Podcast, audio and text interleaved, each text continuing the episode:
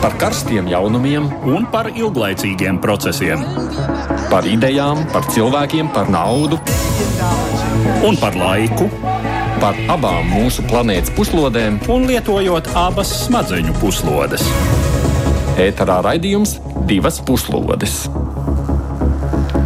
Mēs tiekamies pēdējā šī gada raidījumā, divas puslodes, kas ir veltīts starptautiskiem notikumiem. Studijā joprojām esam mēs, Edvards Liniņš un Aits Tomsons kā jau bieži tas gada nogalē notiek, arī šodien gribam palūkoties uz notiekošo tādā plašākā laika nogriezienī. Mums gan nebūs gada apskata, kāda parasti veido kolēģi no ziņdienesta, bet mēs izvēlēsimies vien trīs būtiskākās tādas notikuma attīstības tendences, par kurām gada laikā mums ir nācies runāt, bet nu, tās joprojām mūs ietekmē. Turklāt arī ar vien vairāk, un nu, tāpēc ir tikai katru nedēļu aktuālāks. Šis gads ir pagājis pieaugušas kara dunoņas zīmē. Ukrainai tas nav nesis ļoti gaidītās uzvaras, Krievijas agresija turpinās, bet pasaules uzmanība pārvirzījusies uz tuvajiem austrumiem, kur izvērsies jauns karš Izrēlā. Kara raisītā spriedze pasaulē gada laikā ir tikai augusi. Tikmēr Krievija ir pielāgojusies jaunajai realitātei, darbina attīsta savu kara mašīnu, Neveiksmīgais Prigožina dūms ir palīdzējis iznīdēt bīstamākos iekšējās pretestības draudus, nu, un Vladimirs Putins dara visu, lai nostiprinātu savu varu un iznīdētu jebkādu opozīciju. Un viens no kara ieročiem, kuru Krievija izmanto cīņā pret rietumiem, ir mākslīgi organizētas migrācijas plūsmas. Nelegālā migrācija šajā gadā vispār ir kļuvusi par ļoti svarīgu faktoru, kas atkal ietekmē politiku rietumu pasaulē. Turklāt ne tikai Eiropā, arī Amerikas Savienotajās valstīs vēlētājiem migrācijas jautājumi ir arvien būtiskāki. Kopā ar mums šodien studijā notiekošo komentējas Rīgas Traģiņu universitātes lektora un studiju programmas vadītāja Elīna Vrabļevska. Sveicināti! Sveiki! Un Nacionālās aizsardzības akadēmijas drošības un strateģiskās pētniecības centra vadītājs Toms Roštaks. Labdien! Labdien! Nu, kā parasti mums būs arī vairāk iedvārdu sagatavot un kolēģi ierunāt teksti ar pieaugušo kara trauksmi, tad arī sāksim. Jau pagājušajā gadā, neilgi pēc Krievijas plaša mēroga iebrukuma Ukrainā sākuma, Apvienoto Nāciju ģenerālsekretārs Antonio Guterres nāca klajā ar konstatāciju, ka vardarbīgu konfliktu skaits šobrīd pasaulē ir lielākais kopš otrā pasaules kara. Aizejošais gads šo tendenci tikai pastiprinājis. Nav piepildījušās cerības uz kara beigām Ukrainā kuras pagājušā gada nogalē tika saistītas ar Ukrainas bruņoto spēku iespējām gūt izšķirošus panākumus. Rietumu bruņojuma piegādes Ukrainai bija pārāk gausas un novēlotas. Krievijai izdevās izveidot nopietnas aizsardzības pozīcijas, kuras pārvarēt Ukraiņiem nebija pa spēkam. No otras puses, arī Krievijas ieguvumi šī gada kaujās ir niecīgi maksājot par tiem ar daudziem tūkstošiem savu karavīru dzīvību. Ukrainas puses nesen publiskotie dati vēsta, ka Krievijas bruņoto spēku zaudējumi nesen pārsnieguši 350 tūkstošus cilvēku, no tiem vairāk nekā 150 tūkstoši nogalināti. Nedaudz pieticīgāk šo nāves pļauju vērtē rietumvalstu eksperti, gan arī runājot par vairāk nekā 300 tūkstošiem lieliem Krievu puses zaudējumiem bet savukārt lēšot, ka Ukrainas pusē kritušo varētu būt ap 70 tūkstošiem, ievainoto vairāk nekā 100 tūkstoši. Novembra pirmajā pusē publicētās apvienoto nāciju aplēses min vairāk nekā 10 tūkstošu nogalinātu Ukrainas civiliedzīvotāju. Vēl viena asinspirts nu jau trešo mēnesi risinās tuvajos austrumos.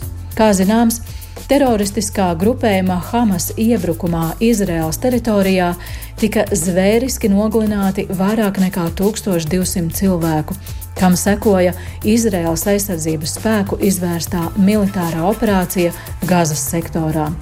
Gazas palestīniešu pašpārvaldes institūcija šobrīd vēsta par vairāk nekā 20 tūkstošiem operācijas laikā bojā gājušu iedzīvotāju, gan iekļaujot šai apjomā arī kritušos bruņotos kaujiniekus. Patieso civiliedzīvotāju upuru skaitu šobrīd noskaidrot nav iespējams. Tomēr Eksperti norāda, ka teritorijas blīvā apdzīvotība un kara darbības veids, plaši izmantojot nevadāmus lādiņus, liek domāt, ka šis skaitlis visdrīzāk tiešām mērāms diezgan daudzos tūkstošos. Bez pieminētajiem diviem lielākajiem konfliktiem pasaulē izraisījušies vai aktivizējušies vēl vairāki. Septembrī Azerbaidžānas bruņotie spēki uzsāka izšķirošo ofensīvu pret starptautiski neatzīto Arcahas republiku jeb Kalnu Karabahu, pārņemot to savā kontrolē. Rezultātā praktiski visi šīs teritorijas armēņu iedzīvotāji, vairāk nekā simt tūkstoši, dažās dienās pameta zemi, kur viņu senči dzīvojuši gadu tūkstošiem ilgi.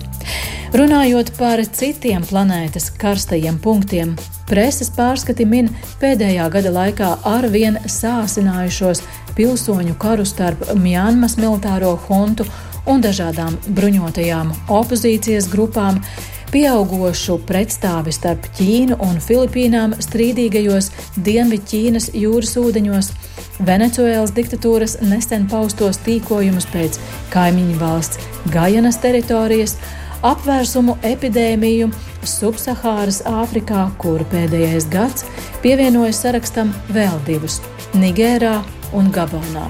Tāpat iekšēji konflikti turpinās Etiopijā, Sudānā, Dienvidsudānā, Somālijā, Jemenā, Kongo, Demokrātiskajā republikā, Malī, Burkina Faso un citur. Turpina grūzdēt Sīrijas pilsoņu karš. Iekšēju konfliktu potenciālu komentētāji saskata Irānā un Pakistānā. Sarakstu var turpināt. Kādas tēzes tad mēs varam izvirzīt? Kāpēc tā pasaules politika kļūst tik asiņaina, trauksmaina? Par ko tas liecina to? Nu, izskatās, ka gads tiešām ir bijis bagāts. Um, daļu no tiem notikumiem es jau biju pagūst pat uh, piemirst um, nu, tādā, um, nu, tādā abstraktā līmenī um, liela daļa no šiem konfliktiem izraisa tas, ka, ka pasaulē mazinās uh, ASV hegemonija, manuprāt. Uh, tas, tas ir tas nozīmīgākais iemesls, jo uh, daļa no šiem konfliktiem ir tādi, kur, kas ir, nu, uh, viņi sakņojas nu, tādās iespējās, ja, nu, ka tur ir, tur ir nesaskaņas. Uh, ir, ir aktieri, kur vēlētos panākt sev kādus uh, nozīmīgus un ļoti kārotus rezultātus, bet, uh, bet šie aktieri arī baidās, ka, ka ja viņi um, uh, uzsāks uh, virzīties uh, pretī saviem mērķiem, uh, tad, uh, tad viņus apstādinās uh, nu, ASV vai Eiropieši. Uh, Um, nu šobrīd, uh, šobrīd izskatās, ka, ka ASV uh, nevēlas uh, to darīt. Uh, pat, uh, pat sarkanajā jūrā, kur, kur pēc būtības ir uh, um, arī tieši agresija pret, uh, pret ASV uh, jūras spēku uh, kuģiem, uh, tad uh, ASV ļoti atturīgi uh, reaģē uz, uh, uz šādu veidu provokācijām. Un, uh, un tajā brīdī, kad, um, nu, kad nav jābaidās no šī ārējā spēka, kas varētu sodīt um, nu, grupas, kas pielieto vardarbību, um, nu, tad viņas arī izvēlas to darīt. Elīna? Ah, es laikam teikšu tā, ka. Mm, Nav jau tā, ka līdz, tam, līdz šim mēs esam, ka šis ir gads varbūt tik ārkārtīgi īpašs, ka mēs līdz tam esam dzīvojuši kaut kādā absolūtā bezkonflikta starptautiskajā sistēmā un pasaulē.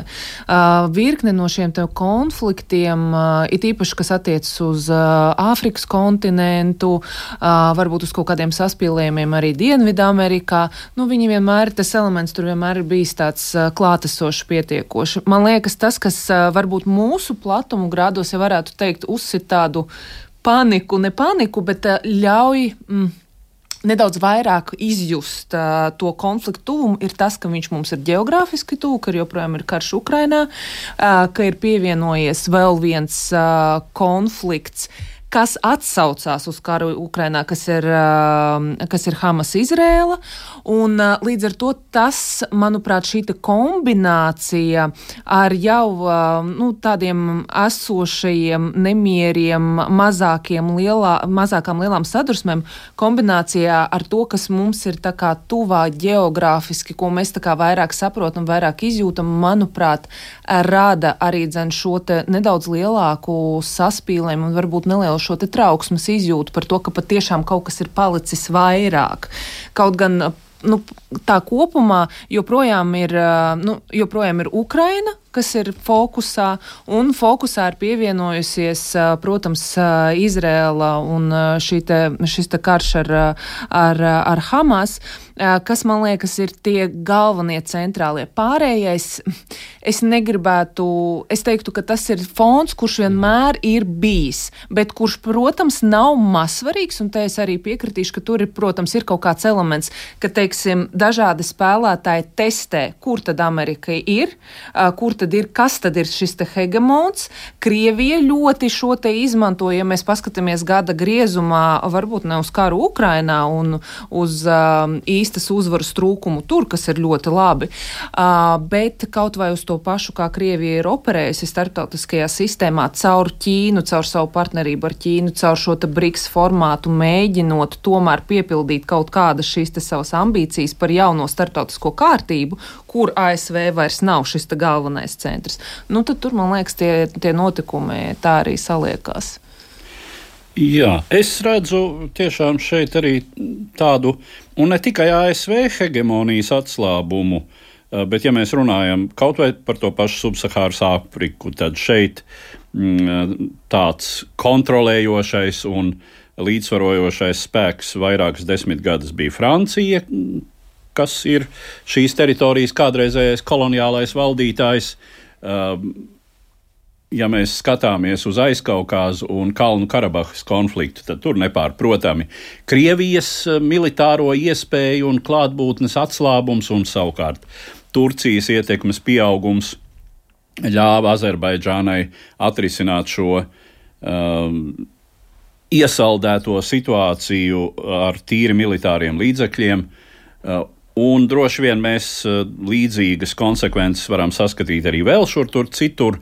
Eh, es te redzu rezultātu tai postīgajai, acīm redzot, tomēr ilūzijai, kas pasauli pārņēma eh, pēc augstākā kara beigām, ka nopietnu militāru problēmu mums vairs nebūs, ka mums būs jānodarbojas, ja nu tad ar um, policeiskām operācijām, ar pretterorisma operācijām, glābšanas darbiem uh, un kaut ko tam līdzīgu. Uh, izrādās, ka tā tas nav, un tiklīdz, jo, jo mēs redzam šo militāro spēku atrofiju, um, salīdzinot ar augstā kara periodu abās pusēs. Jo nu, Krievijas bruņotie spēki arī ir izrādījušies par spīti uzpumpētām ambīcijām un skaļai retorikai. Nu, mēs redzam, ka tas uh, rezultāts Ukrainā ir nu, tuvu nožēlojamam.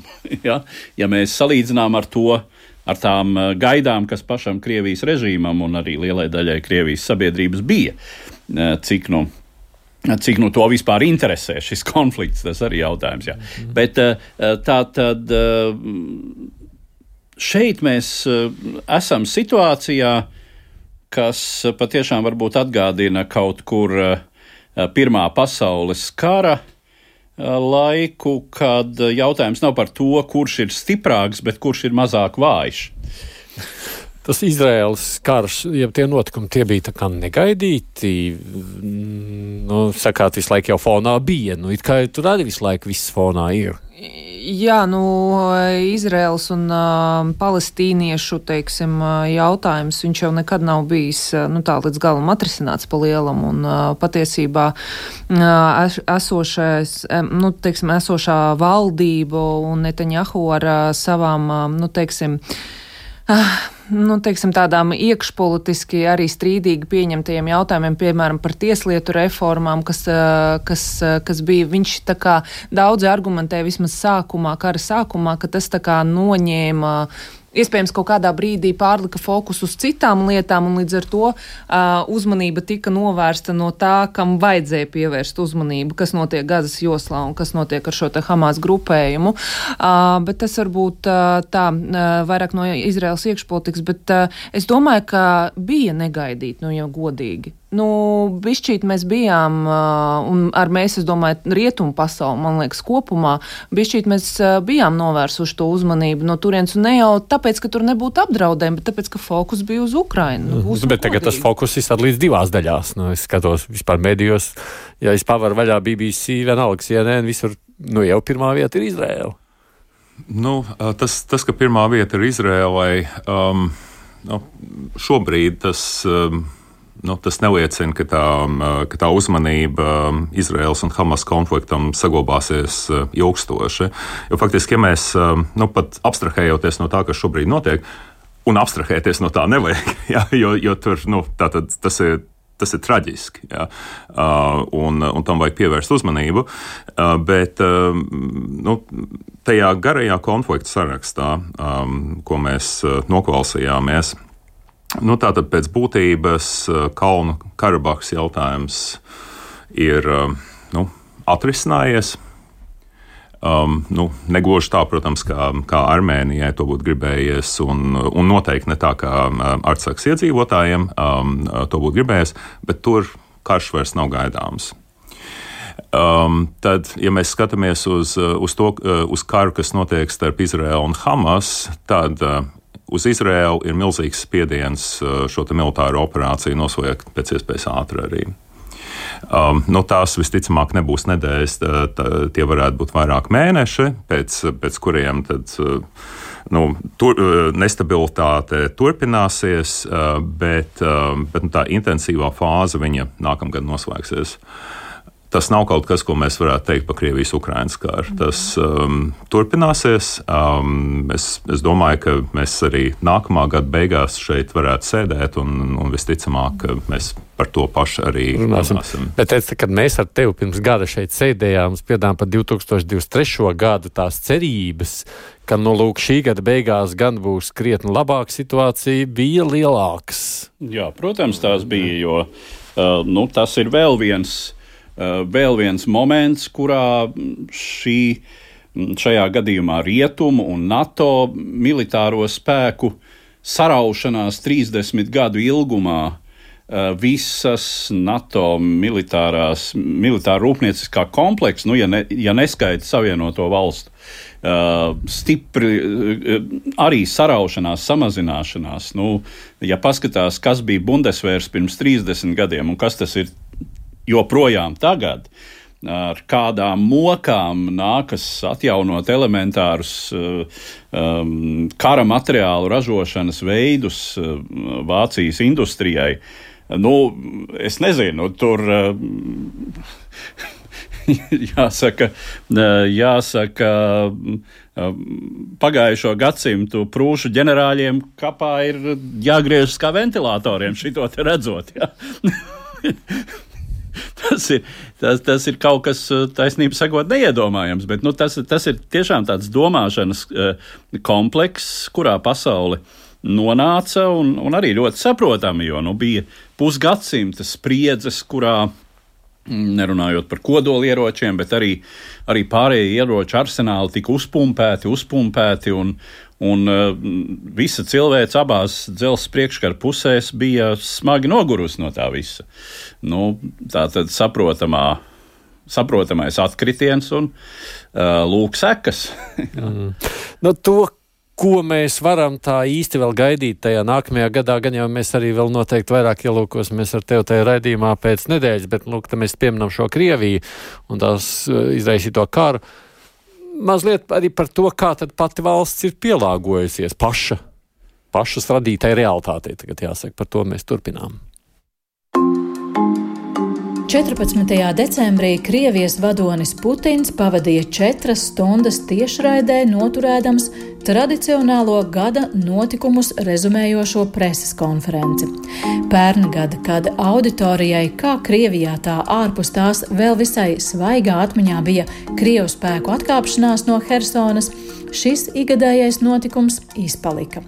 Šogad Ukraina nevar lepoties ar līdzīgiem panākumiem. Nesen Krievijas spēki pat aktivizējuši uzbrukums vairākos frontes sektoros. Palīdzības pakete Ukrainai iestrēgusi Savienoto valstu kongresā, un daži attiecīgas ievirzes komentētāji ceļ brēku par strateģiskās investīcijas pāriešanu Kremļa rokās. Tad nu šoreiz nelielā auguma plikgalvis acīm redzot jutās droši diezgan, lai sēstos kameru priekšā. Sociālajos tīklos visbiežāk apspēlētais motīvs bija viņa atbild uz jautājumu par pamanāmo vistu olu cenu kāpumu Krievijā, par ko valdnieks tautai atvainojās, skaidrojams to ar valdības darba nepilnībām kas attiecas uz kara darbību Ukrainā, tad tika atkārtoti jau kara sākumā definētie uzstādījumi par kaimiņu valsts denacifikāciju un demilitarizāciju. Tam acīm redzot, jāliecina, ka Kremļa līderis joprojām cer uz Krievijai pozitīvu kara iznākumu.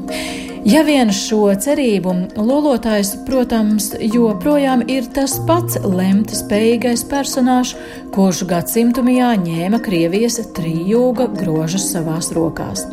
Pagājušā gada notikumi beidzot visai nepārprotami atklāja, ka dažas funkcijas Putina vietā izpilda dubultnieks vai dubultnieki. Un tas, protams, aktivizējas versijas par to, ka īstais Putins jau ilgāku laiku vai īsāku laiku vairs nesot starp dzīvajiem. Valsti vadot kāda aizkulišu hunta, bet publiski tiekot piedāvāta vadoņa imitācija.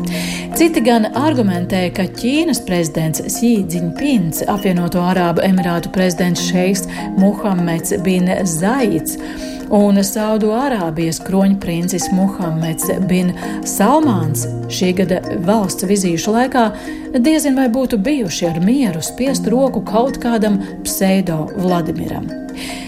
Lai kā arī nebūtu, notikumu, kuru te jau vienbalsīgi atzīst par draudošāko Putina režīmam visā tā pastāvēšanas laikā, šis režīms šogad izturēja. Runa ir par privātās militārās kompānijas Vāgnera grupa īpašnieka Jevgeņija Prigožina sarīkoto dumpi aizejošā gada vasaras salgriežos, kas režīmam beidzās ar izbīli. Putinam diezgan droši maksāja ne mazumu nervu, bet pašam Prigožinam un dažiem viņa līdzgaitniekiem dzīvību. Divas puslodes! Nu, šis gads Krievijai ir bijis tomēr labāks, vai ne, Elīna, nekā daudz cerēja. Uh, nu jā, ja mēs cerējām uz to, ka Krievija sairas pa šuvēm, tad, uh, tad nepārprotam, gads ir bijis pietiekoši izdevies. Vai ka viņai frontē neies tik labi? Jā, ka, uh, nē, nu, uz to var skatīties divējādi, ko arī apliecināja jau pieminētā komentāros šī tiešā līnija, kas patiesībā bija divi vienā pasākums. Parasti gada beigās ir gan tiešā līnija, kur ir, ir šī preses, nu ne preses konferences, bet šī, šī sazvanīšanās ar Krievijas iedzīvotājiem par absolūti triviāliem jautājumiem, sākot ar to, ka skolā nestrādā radiātori un beidzot ar pieminētajām olas cenām, kur Putins jau kā varonis iet un labu uzreiz uz, uz tā paša signāla. Plus ir šie te gada noslēguma runa, kur viņš parasti fokusējas uz ārpolitiku. Nu, šoreiz bija divi vienā, netaisīja atsevišķu pasākumu, bet pagājušajā gadā tieši tā izpalika abi divi. Viņš, viņš tā kā vispār nerādījās. Um, lūk, par to, kā Krievija ir uh, mainījusies par uzmanību uzvaru, neuzvaru. Nu, Jā, uzvara, protams, praktiska uzvara frontes līnijā būtu nu, absolūts triumfs Krievijai. Tas ir tas, tas ir tas, kas tiek sagaidīts, protams. Bet tajā pašā laikā Putins nepozicionē, protams, Krieviju kā zaudētāju. Jo nu, šeit kontekstā ir jāskatās gan par sankcijām, gan par to, cik rīcības spējīga Krievija joprojām ir starptautiskajā sistēmā. Tur patiesībā šis diskurs tiek būvēts, ka joprojām diezgan rīcības spējīga, ka Krievija ir tā, kura būvē jauno starptautisko kārtību kopā ar savu uzticamo partneri Ķīnu, iepretim nu, tādiem uh, neracionāliem partneriem kā Amerikas Savienotās valstis, kur uh, nu, burtiski viss, kam ASV Putina prāta, kam ASV pieskarās, viss sabrūk jo ko viņš piesauc, uzreiz paskatīties uz tuviem austrumiem un uz Izrēlu un, un, un, un Hamas jautājumu. Ja? Līdz ar to tas, ka Krievija joprojām ir dzīva un nav nospiesta uz, uz saviem ceļiem un joprojām ir rīcības spējīga, tā jau ir patiesībā daļa no tās uzvaras, jo tas pretinieks jau pa lielam nav Ukraina, tas pretinieks ir ASV un ASV sabiedrotie un ASV šī koalīcija izveidotā. Līdz ar to tas narratīvs par to, ka rekur Krievija joprojām ir, mūsu ekonomika iet uz priekšu, mēs e, šeit stāvam, rekur es kā jūsu vadītājs ar jums runāju, tas liecina par to, jā, Krievija nav uzvarējusi, bet viņa nav zaudējusi, līdz ar to viņa ir spējīga iet uz priekšu ar saviem mērķiem. Un Un par to, ka, šāds, ka šāda preses konferences vispār tiek rīkota, nu, vēlēšanas nāk. Nu, tas arī taisnība, jā. Kā raksturot, kāds šis gads ir bijis Krievijai? Um, labāks nekā mēs bijām cerējuši. Es pieņēmu, ka arī pašā Krievijā nu, šī gada beigās viņi var justies diezgan gandarīti par to, kā garš, ka, karš un gads ir izvērties. Uh, Um, un uh, skats nākotnē viņiem šobrīd ir diezgan optimistisks, uh, nu vismaz nākamā gada ietvaros. Um, Krievijas ekonomika tiks stabilizēta jau faktiski 2022. gadā. Uh, tas uh, daudz laika neprasīja. Um, kaut kāds neliels pieaugums viņiem varētu būt. Um, uh, ekonomikā samilst arī milzīgas problēmas, bet nu, tās varbūt nav tādas īstermiņa problēmas. Jā, tas, tas drīzāk būtu kaut kas tāds, kas, kas parādītos nu, 2025. un 2026. gadā. Uh, Prigožina dumps ir vēsture, jo Prigožins pats ir vēsture jau.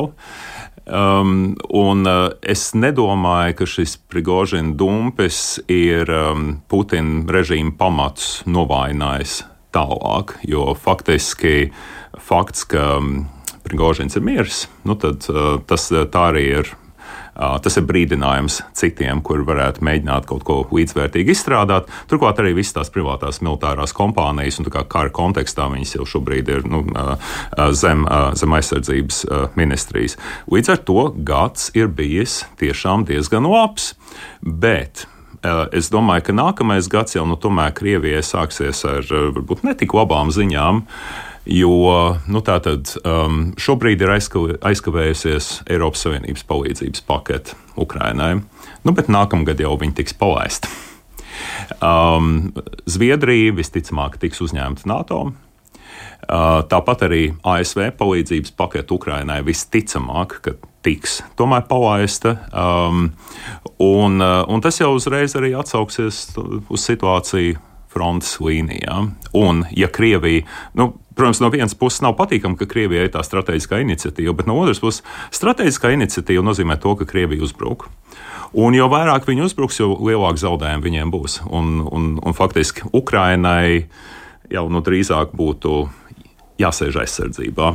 Uh, tuvāk, vismaz tuvākajos mēnešos noteikti viņi to būs arī spiesti darīt, bet, uh, uh, bet, uh, bet tādā veidā viņi var mēģināt šo Krievijas spiedienu izturēt. Turklāt Ja Krievijas prezidents ir pateicis, ka speciālās militārās operācijas mērķi nav mainījušies, tad uh, ir skaidrs, ka viņi uzbruks. Un līdz ar to tā Ukrainai būs, būs iespēja viņus turpināt vājināt. Hmm.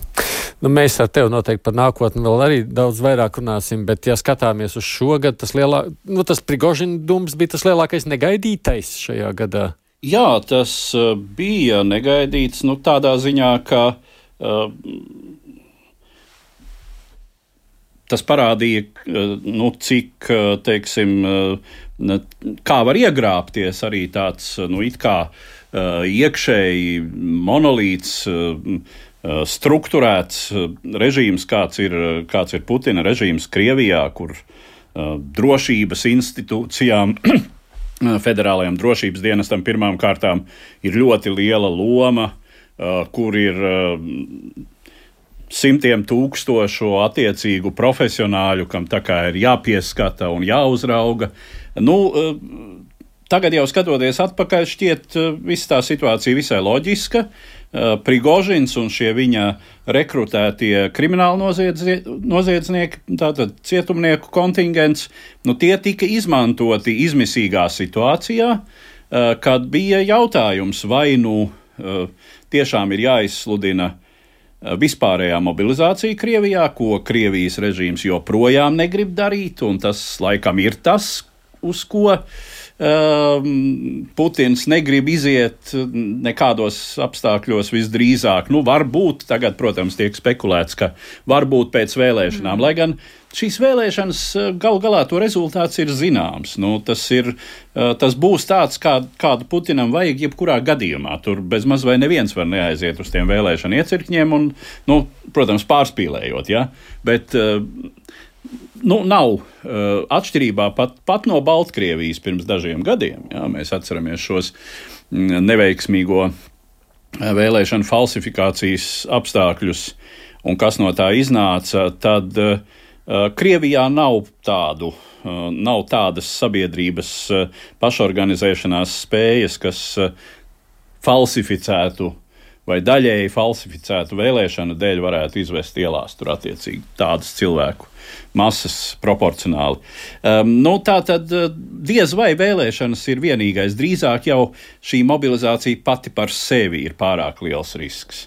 Jo līdz šim ir izdevies šo karu Ukrainā uh, Krievijas sabiedrībai um, nu, teiksim, pasniegt, pie tā pieradināt, kā pie tāda uh, klasiska 19. gadsimta koloniālā kara, kur jā, ir upuri, bet ir arī nepārprotami uh, nu, teiksim, ieguvumi, respektīvi uh, tā sabiedrība īsti pat nezina, nu, kur, kur notiek, kas notiek, ja, un tā kā varbūt kādam uh, vidusmēra Britam 19. gadsimta vidū īsti pat nebija skaidrs, kur atrodas kaut kāda Afganistāna kur, vai, vai, vai, vai kaut kāda Zulu, eh, Zulu, Zulusu zeme, ja, kur, kur impērijas karaspēks atkal jau karo, un no turienes atgriežas zārciņi un atgriežas skroplīši un, un tā tālāk.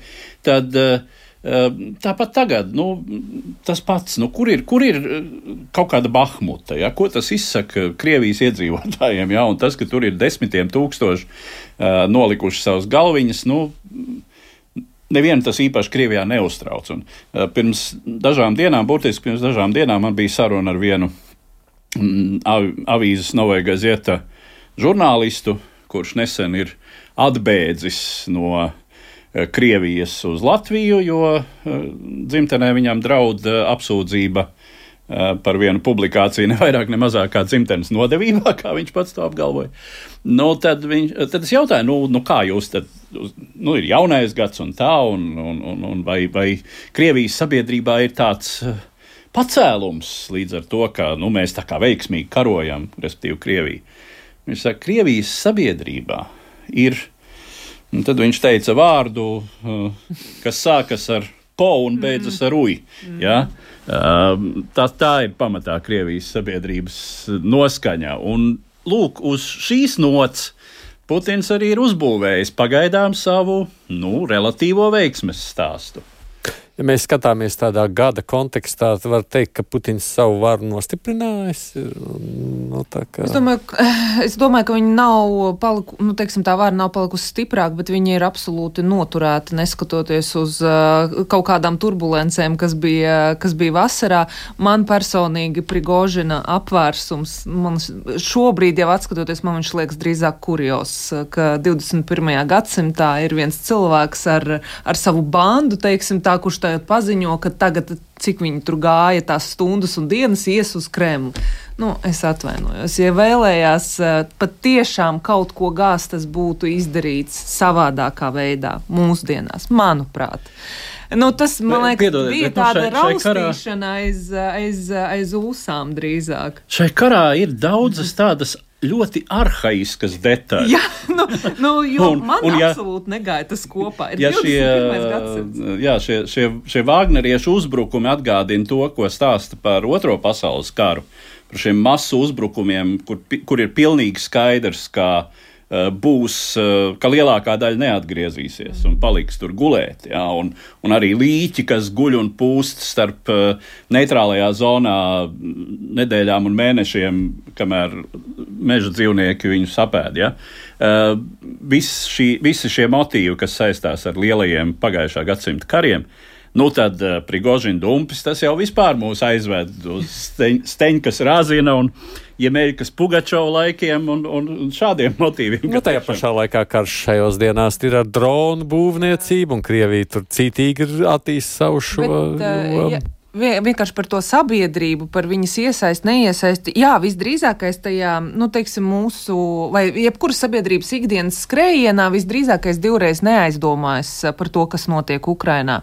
Bet tajā pašā laikā uh, ir svarīga jau tā ideja, un uh, Putins to ideju ļoti notur uh, nu, par to, ka karo jau cēla mērķa labad denacifikācija un nu, visas tās uh, labās un tās vērtības, par kurām Krievija cīnās tādā lielākā kontekstā un iestājas tas, tas mesijānisms, ka mēs iesim, ka viņi tagad nāks un glābs no šīs uh, sapuvušās rietumu ietekmes, kā Putins ļoti bieži arī raksturo uh, rietumus un Amerikas Savienotās valsts un visas vērtības, kas nāk ar liberālismu un, un tā tālāk. Un ja, ja vidusmēra Krievu cilvēkam jautāt, nu ko tad nozīmē denacifikācija? Nu, tas nozīmētu, lai, ka geju tur nebūtu. Jā, jā, jā apmēram. Nu, nu, tas ir, jā, ir absolūti, jā, jā. absolūti teiksim, tāda vēsturiski ideoloģiska šizofrēnija. Jā, absolūti. par to tā domā. Lūk, un, bet, un tas ir tā ideja, ir ļoti svarīga. Tāpat tās ir svarīgi noturēt to demokrātijas ilūziju par šīm vēlēšanām. Ir svarīgi parādīties sabiedrības, sabiedrības acu priekšā un kaut vai jā, imitēt šo vēlēšanu procesu un priekšvēlēšanu sāncensības, cik es saprotu, ir parādījušies jau kandidāti. Es vismaz vienu. Nu, tā jau netika apstiprināta. E, bet, bet, jā, bet radīt tāpat tā šo ilūziju, ka ir konkurence, ka ir demokrātija, ka cilvēkiem ir izvēle. Nu, tas ir bij, bijis vienmēr ļoti svarīgi Putina režīmam. Mm. Nu, jebkurā gadījumā ļaužu noskaņojumu viņš šobrīd pilnībā kontrolē. Jā. Jā. Nu, vai katrā ziņā, teiksim, Viņ, viņš kontrolē to, ko var kontrolēt. Un, un te ir tā pelēkā zona. Uh, Virtuves sarunas. jā, kas, uh, kas, kā mēs atceramies tiešām no padomi laikiem, pēkšņi uh, no šī sabiedrība izrādās nebūt nevairs tik kontrolējama. Un tas ar Krieviju arī ir noticis vairāk kārt un, teiksim, pagājušā gadsimta laikā. Nu, mums jau šķita, ka viņš arī militārās vienības kontrolē pilnībā, vai ne? Prigožins tās rādīja, ka kādreiz viss ar milzīgu pārsteigumu parādās. Ir ko nu, piebilst? Nu, jā, nu, piebilst varētu to, ka. Um, ja, ja paskatās uz sabiedriskās domas aptaujas datiem, nu, tomēr viņi vēl ir no Krievijas, jau Evads centrs veids. Tad tajā brīdī, kad, kad tika paziņots eh, pagājušā gada septembrī par, par mobilizāciju, tur no sākuma nebija īsti skaidrs, nu, uz ko tas attieksies, uz ko tas neatieksies. Un pēkšņi eh, puse no aptaujātajiem eh, nu, iestājās par diplomātisku risinājumu šim, šim karam.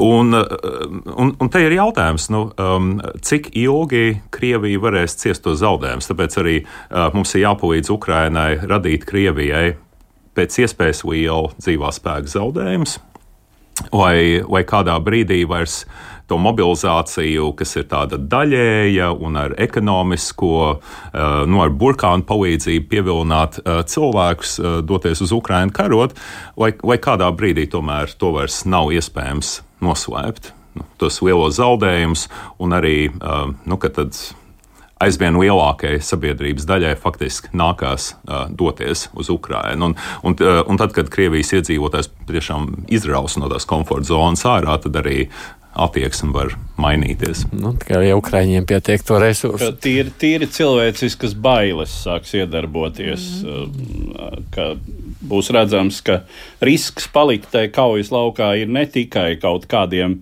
margināļiem, kriminālistiem vai margināļiem no vidusmēra krievu viedokļa, mazākumtautību pārstāvjiem, kaut kādiem tuviešiem, eh, kas nu tur tika sūtīti primāri vai ne, mm, dagestāniešiem un tam līdzīgi. Nu, viena no lietām, ar ko Krievija nu, tā jau atklāti arī cenšas ietekmēt rietumu pasauli, ir migrācijas plūsma organizēšana. Nu, tā visatklātāk tas ir redzams pēdējās nedēļās pie Somijas robežas. Vispār migrācija kļūst par tādu ļoti nozīmīgu jautājumu daudz vietu pasaulē, nu, un arī par to vēl raidījuma turpinājumā. Saskaņā ar Eiropas komisijas sniegtajiem datiem 2022. gads Eiropas Savienībā ieceļojošu personu skaita ziņā ar nepilniem 3,8 miljoniem iebraucēju pietuvojies 2015. gada bēgļu krīzes rādītājiem, kas ir vien nedaudz lielāki. Toreiz ieceļotājs traumas galvenais iemesls bija pilsoņu kara aktivizēšanās Sīrijā, pērngad Krievijas agresija pret Ukrainu. Atšķirība ir tāda, ka, ja 2015. gada apmēram puse no ieceļotājiem, jeb vairāk nekā miljons, un 800 tūkstoši bija tā saucamie neregulārie migranti, tas ir ļaudis bez legāla ieceļošanas iemesla, tad pērngad, cik tālu Ukrainas bēgļi tika uzņemti Savienības valstīs legāli. Šādu neregulāro ieceļotāju bija mazāk nekā desmitā daļa, nedaudz virs 330 tūkstošiem. Tomēr abām situācijām ir daudz kopīga. Gan 2015. gadā, gan tagad bēgļu plūsmas iemesls ir asins spirts, kas sakurta ar krievi ieročiem, iepriekš Sīrijā, tagad Ukrainā. Un loģisks ir jautājums, vai šīs bēgļu plūsmas nav daļa no Kremļa kalkulācijām, kā Eiropu destabilizējošs faktors. Varu piebilst, ka ķirsītis uz tortes ir tie robežu pārkāpēji, kuri iepriekšējos gados iekļuva pāri Polijas, Lietuvas un Latvijas robežai ar Lukašenko režīmu gādību.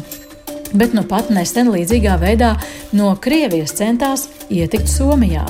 Austrumu robežas šķērsojošo migrantu skaits gan ir pavisam neliels, ja salīdzinā ar ļaužu plūsmām, kuras ar vien aktīvāk virzās uz Eiropu, peldu līdzekļos, čērsojot vidusjūras, Egejas jūras vai Atlantijas okeāna ūdeņus, attiecīgi nonākot Maltā, Lampedūzā, Grieķijas salās, Kiprā, Spānijas piekrastē vai Kanāriju salās, vai arī pārējot sauszemes robežas Balkānos.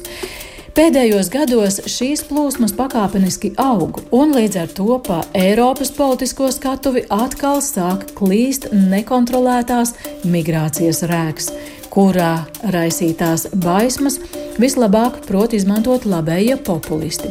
Tas pats attiecas uz Savienotajām valstīm, kuru robežu ar Meksiku jau gadu desmitiem ilgi tiecas šķērsot labākas dzīves alcēji, pamatā Centrāla Amerikas valstu iedzimtie. Viņiem ceļā, kā zināms, sola stāties republikāņu prezidenta amata kandidāts Donalds Trumps. Uzsākot savu priekšvēlēšanu kampaņu, viņš jau deklarējis, ka izbeigšot to invāziju, kādu esot pieļāvusi prezidenta Baidena administrācija. Dižais Donalds sola, ja atkal tiks prezidentos, atsauks amerikāņu karaspēku no ārvalstīm un dislocēs to uz Meksikas robežas. Atgādījums studijā ar mums kopā notikums komentē Toms Rostaks no Nacionālās aizsardzības akadēmijas, Nelīna Rubļevska no Rīgas Traģiņu universitātes. Vispār jau šķiet, ka tas migrācijas jautājums nosaka to politisko dienas kārtību ar vien vairāk valstīs. Nav tā, ka varbūt daļa nezinu, politiķu partiju neapzinās, cik vēlētājiem tas ir svarīgs, un tad kādu to vienkārši veiksmīgi izmanto. Nu, droši vien, ka daļai partiju ir, vai es pat varbūt teiktu, ja Eiropas kontekstā, nu, un arī Amerikā, Ziemeļamerikā, bija tāda zināma inerce. Kas, kas tiešām šo jautājumu mēģināja traktēt caur iespēju prizmu, kā tā ir iespēja iegūt darba rokas tur, kur tās pietrūkst, kā multikulturālisms ja tas tiek pozitīvi veidots ar attiecīgiem politiskiem instrumentiem, uh, ir produktīvs, ir, uh, ir sabiedrības uh, nu, teiksim, kaut kādu daudzveidību, kreativitāti veicinošs un tā tālāk. Un tā tālāk kas nav gluži aplamības, bet ir skaidrs, ka, ir skaidrs, ka mm, ir bijis arī ļoti daudz ilūziju par to, kā var integrēt cilvēkus, kas nāk no pavisam citas uh, kultūrālās vides. Um, nu, Vācija laikam gan ir spilgtākais piemērs, mm. kur uh, no vienas puses Vācijas vēsturiskais mantojums disponē uz uh, maksimālu toleranci pret uh, nu, jebkurā aspektā, teiksim, tā izskaitā rases, reliģiskās piedarības un tā tālāk aspektā. Nu, un, tā rezultāts bija šī um, nu, atvērto durvju politika um, migrantiem, un, un Vācija arī ir viena no tām valstīm, kur nu, visjūtamāk ir, ir kur vispamanāmāk uh, ir tas, ka šie cilvēki daudzos gadījumos nav integrējami. Un ka viņu priekšstati nu vienkārši, piedodiet par izteicienu, absolūti nelīmējas kopā ar to, kāda ir kaut kāda civilizēta dzīvošana mm, Eiropas, Eiropas Savienībā un Eiropā vispār. Kā jūs redzat, kā šie migrācijas jautājumi ietekmē politiku šobrīd pasaulē? Es, jā, man, man liekas, ka migrācijas jautājums ir tāds jau ilgtermiņā samilzis. Jā, 15. gadā bija nu, tas, tas pīķis uz to brīdi, un tad tas atkal tā diezgan noplaka, un šobrīd atkal migrācijas jautājums Manuprāt, sāsinās divu iemeslu dēļ. Pirmkārt, tāpēc, ka tas vairāk nav, ja mēs par Eiropas Savienību runājam un Eiropu. Tas nav, nav tikai pie dienvidu robežas eh, šobrīd, lai arī nelielos apmēros, bet parādās arī pie austrumu robežas. Uh, un otrs, manuprāt, ir tas, ka atkal te ir jāpiesauc Izraels uh, un Hamas uh, karš, uh, un ar to, ka šie protesti, kas izcēlās uzreiz pēc kara patiesībā, nu, bija tā tāds, nu, pliķis sejā par to, ka patiesībā tā integrācija nestrādā, ka te dzīvo Eiropā dzīvo ļoti spēcīgas kopienas, kuras ir ar saviem uzskatiem, ar savām vērtībām, un viņas nekādā mērā, nu, teiksim, nav pārņēmušas to varbūt domāšanas veidu, nu, kāds būtu, teiksim, tas vēlamais pie tādas veiksmīgas integrācijas. Jo jūs iepriekš minētās lietas, tās patiešām tas viss jau ir labi kamēr vien tas patiešām notiek un strādā. Bet problēma jau ir tā, ka tie cilvēki ienāk un tas kodols, tās viņu vērtības, eh, kas ir tajā kopienā, viņš paliek tepat tāds pats nemainīgs, viņš nostiprinās. Jo, manuprāt, šiem, te, šiem te, te, teiksim, tā dienvidu kultūrām tā, tā kopienas un saliedētības nu, teiksim, tradīcijas un sajūtas ir daudz spēcīgākas nekā mums jau, Eiropiešiem. Ir jau veiksmīgie piemēri. Ir, ir turku kopiena, mm. uh, turku kopiena Vācijā, kurā jā, viņi gan saglabā savas, savas īpatnības, mm. uh, nu, tā skaitā, teiksim, varbūt pat arī tādas pozitīvas īpatnības, ka uh, turku kvartālos un ielās netirgo alkoholu, un kas tur slikts, ja vispār citur to alkoholu nopirkt var. Uh, nu, tādas nianses, bet uh, visumā, teiksim, no tādas civilizētas uzvešanās viedokļa. Bet nu, jāsaprot, ka Turcija tā ir tomēr valsts, kas ir veidojusies uz Eiropas robežas un lielā mērā jau simtiem gadu ir, ir diezgan ciešā sazobē ar Eiropu. Uh, Francijā, nu, teiksim, salīdzinoši labi integrējas cilvēki no Dienvidu Austrumāzijas. Uh, mēs zinām, nu, nu galu galā, jā, Rišijs Sunaks, kas ir uh, tātad saknes no Indijas, jā, Lielbritānijas premjerministrs. Kanādā ne, ir, ir tāpat ieceļotāji no tās pašas Indijas, no Savienotajās valstīs. Nu, ir, ir ļoti daudz piemēru, kur, kur tiešām ne Eiropieši diezgan sekmīgi integrējas šajās sabiedrībās, pieņem tos spēles noteikumus. Bet nu, ir gadījumi, kad tas absolūti nenotiek. Un, un pirmām kārtām uh, Pirmkārt, protams, te ir jārunā par ļaudīm, kas nāk no valstīm ar izteiktu islāma reliģijas un attiecīgas kultūras dominanti. Tom. Jā, es, es piebildīšu, ka, manuprāt, tas, kas cilvēks tracina šajā situācijā, ir tas, ka ir zudusi kontrols sajūta. Tātad mēs nu, labi, mēs Eiropas Savienības ietveros esam integrējušies, mūsu robežas ir vaļā, bet, eh, bet tas, kas notiek pāri mūsu ārējai robežai, tur ir jābūt kontrolē. Un uh, lielai daļai sabiedrības radies priekšstats, ka tur tā kontrole nav. Tad, kad mēs vairs Uh, ka ir cilvēki, kurus mēs pie sevis noteikti negribētu redzēt, un kuriem nav pamata pie mums būt, bet viņš šeit ir.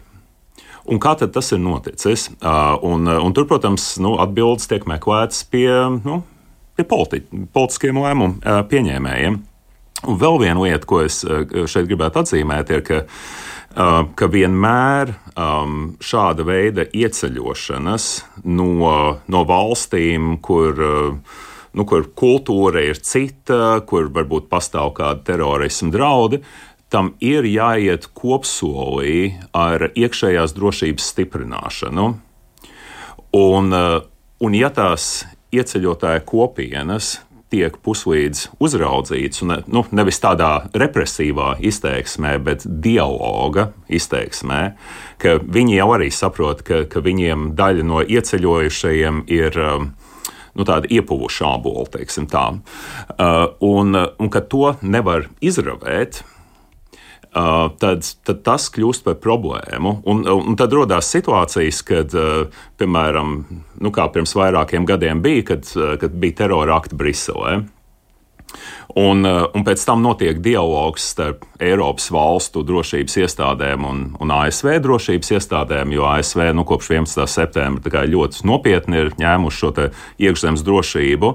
Um, un tad viņu raksturojums Eiropiešiem bija, ka, nu, jo īpaši uh, Beļģijas drošības dienestiem, ka viņi ir kā mazi bērni. Un tas nav pareizi. Tātad tur nāk līdzi kāds apdraudējums, bet tas ir ticis ignorēts. Un, uh, un manuprāt, ka cilvēki saprot, ka tas ir nepareizi. Nu, jebkurā gadījumā politiķiem nāksies ar vien vairāk rēķināties ar šo migrācijas uh, ietekmi un uz to nereaģēt nevarēs. Nevar. Mēs arī redzam, ka Eiropas Savienība reaģē, ka ir uh, decembrī pieņemts šis pakts, manuprāt, viņš uh, saucās par migrācijas un patvērumu meklētājiem, uh, kas to starp pārēdz. Uh, Uh, ja es nemaldos, uh, zināmas vietas, kur ir pagaidu, teiksim, uzturēšanās, pie šiem ieceļošanās, punkti, ieceļošanas punktiem, kur, protams, jau daudzi to ir paspējuši nodēvēt par migrantu cietumiem un, un, un, un pielīdzināt tam, kas bija Trumpa laikā Amerikas Savienotajās valstīs, tātad pie robežām, kur tātad aizturēja šos te Meksika, no Meksikas šos te ieceļotājs. Bet, un Francija uz šī fona arī iekšpolitiski sev ir pieņēmusi vēl stingrākus šos te noteikumus par migrantu izraidīšanu no valsts. Līdz ar to ir reakcija. Jā. Mm -hmm. Jā, ko es šeit gribēju piebilst, uh, ir um, svarīgi ir tas, ka ir noteikumi, mm. un, ja ir noteikumi, tad tie ir jāievēro. Nu, piemēram, daļa šo te pieteikumu tiek noraidīta. Kāpēc tie cilvēki vēl joprojām ir? Kāpēc viņus nevar atrast? Kāpēc viņas nevar um, nu, teikt, izsūtīt no Eiropas Savienības? Jo pēc noteikumiem tā tam būtu jābūt. Un tad nu, mēs esam uh, Eiropas Savienība. Eiropas Savienība pēc būtības ir balstīta uz noteikumiem. Un tad, kad mēs paši šos noteikumus neievērojam, tad, um, tad cilvēkiem arī rodas neticība uh, kopumā visai sistēmai. Nu, un šis jau būs izaicinājums ar visu to, kā to varēs ievērot. Un man liekas, ka arī Latvijā šis kļūs ar vien aktuālāks jautājums. Ne? Mums jau tur. Nu, teiksim, dzīves līmenim pamazām izlīdzinoties, tuvinoties Eiropas Savienības vidējiem, protams, mēs arī varbūt kļūsim par tīkamāku galamērķi dažiem uh, ieceļotājiem. Lai gan, nu, es domāju, ka. Uh, tiešām tā izpratne par to, ka noteikumiem ir jātiecas uz visiem un, un noteikums ir jāievēro, tā Eiropā ir teiksim, aktualizējusies šai, šai, šī jautājuma aspektā.